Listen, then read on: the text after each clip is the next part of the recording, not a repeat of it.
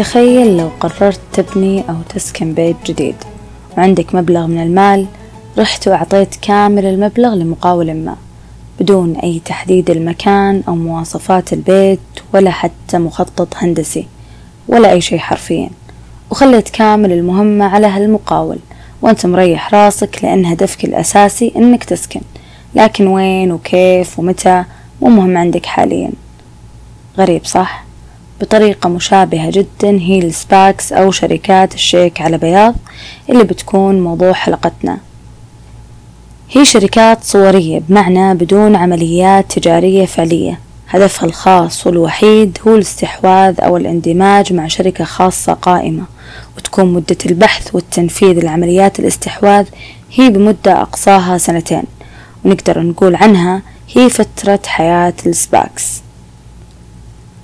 طيب بتسألون وش الفائدة أو الغرض الحقيقي لل SPACs؟ شركات الشيك على بياض تكون مدرجة في البورصة أو أسواق المال بالفعل من خلال الطرح العام الأولي اللي من خلاله تم تجميع رأس مال هذا ال SPAC. فعند الاستحواذ على شركة خاصة يتم إدراجها في البورصة عن طريق الاندماج العكسي خلال مدة قصيرة مقارنة بعمليات الطرح والاكتتاب التقليدية. اللي بالعادة تاخذ من ستة أشهر إلى أكثر من سنة.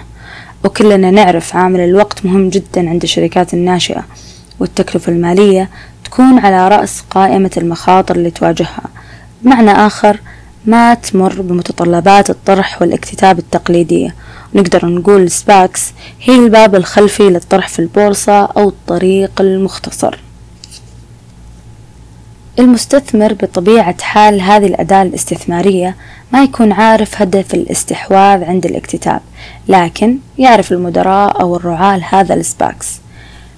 بالعادة يكونون أشخاص أصحاب خبرة وعلم ومكانة في مجال معين فيكون عند المستثمر توقع عن المجال اللي بيكون فيه الاستحواذ أو الاندماج.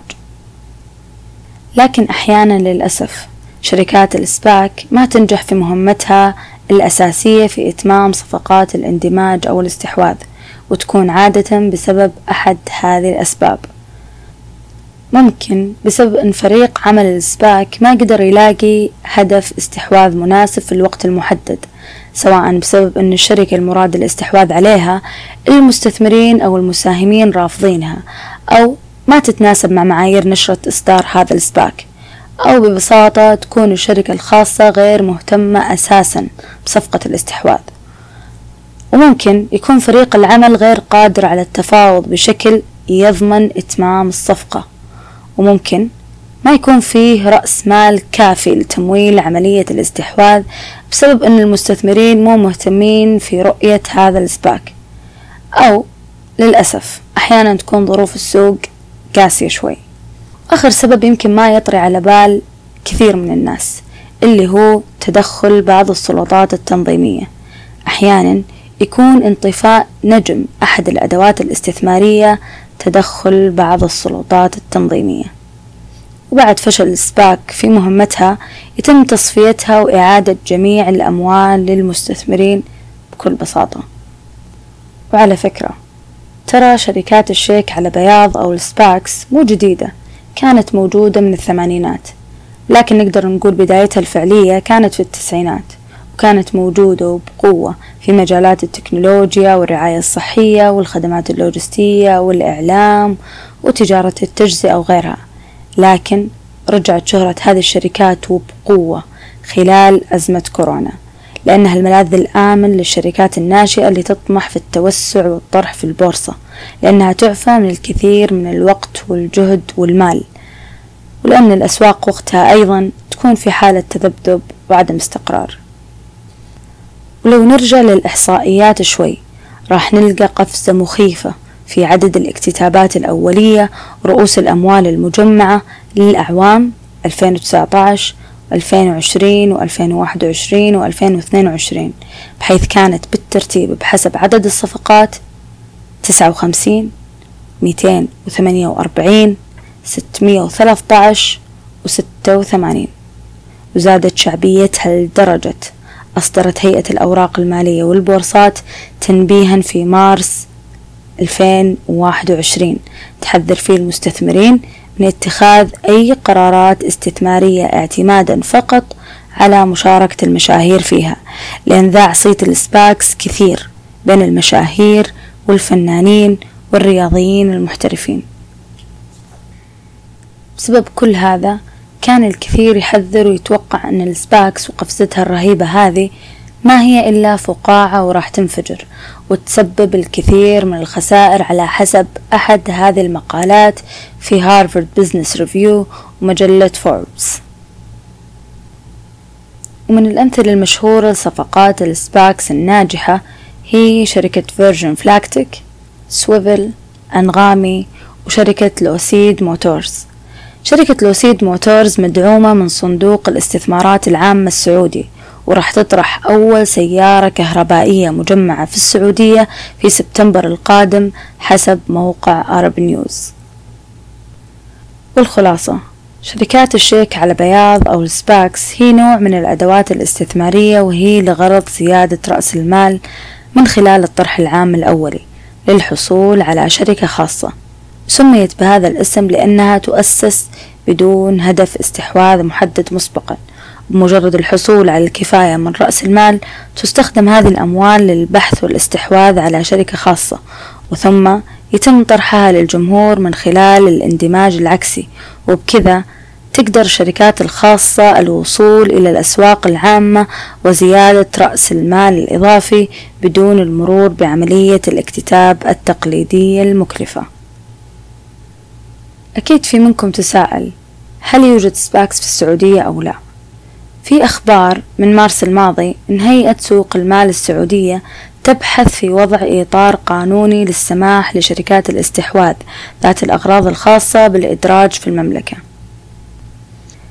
وبكذا انتهينا من موضوع حلقتنا الرئيسي. أتمنى أن الطرح كان خفيف ولطيف عليكم. وترى الموضوع واسع وعميق ومتشعب. للي حاب يتعمق أكثر حطينا لكم المصادر في صندوق الوصف. ونرحب أكيد بكل آرائكم واستفساراتكم لأنكم ملح البرنامج.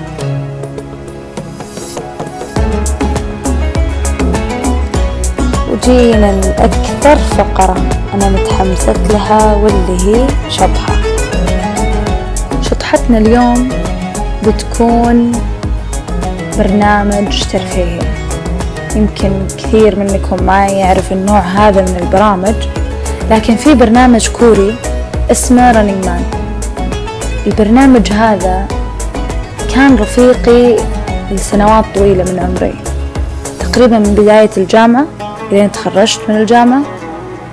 كنت من كثر ما أنا متعلقة فيه وكان هو المتنفس ومكافأتي بعد كل اختبار أو تجربة صعبة كنت فعليا أضبط لي الأجواء وأدخل عالم مع هذا البرنامج. العالم جميل ولطيف ومضحك.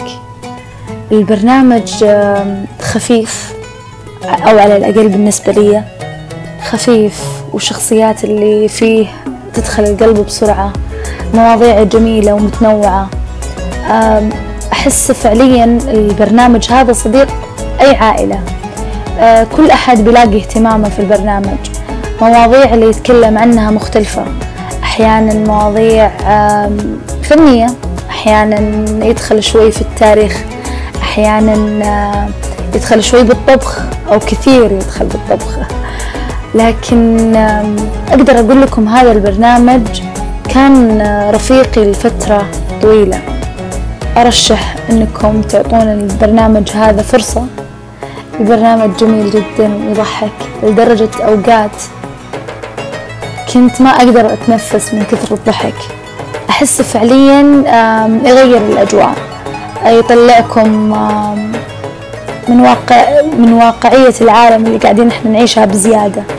قاعدين آه، نعطي كل شيء حولنا فوق حجمه. فأحس إن هذا البرنامج يكسر الأجواء هذه شوي. ما بتكلم كثير عنه. أعطيكم آه، آه، يعني الفرصة أنكم أنتم تحكمون عليه بنفسكم. ممكن تكون الحلقات الأولى شوي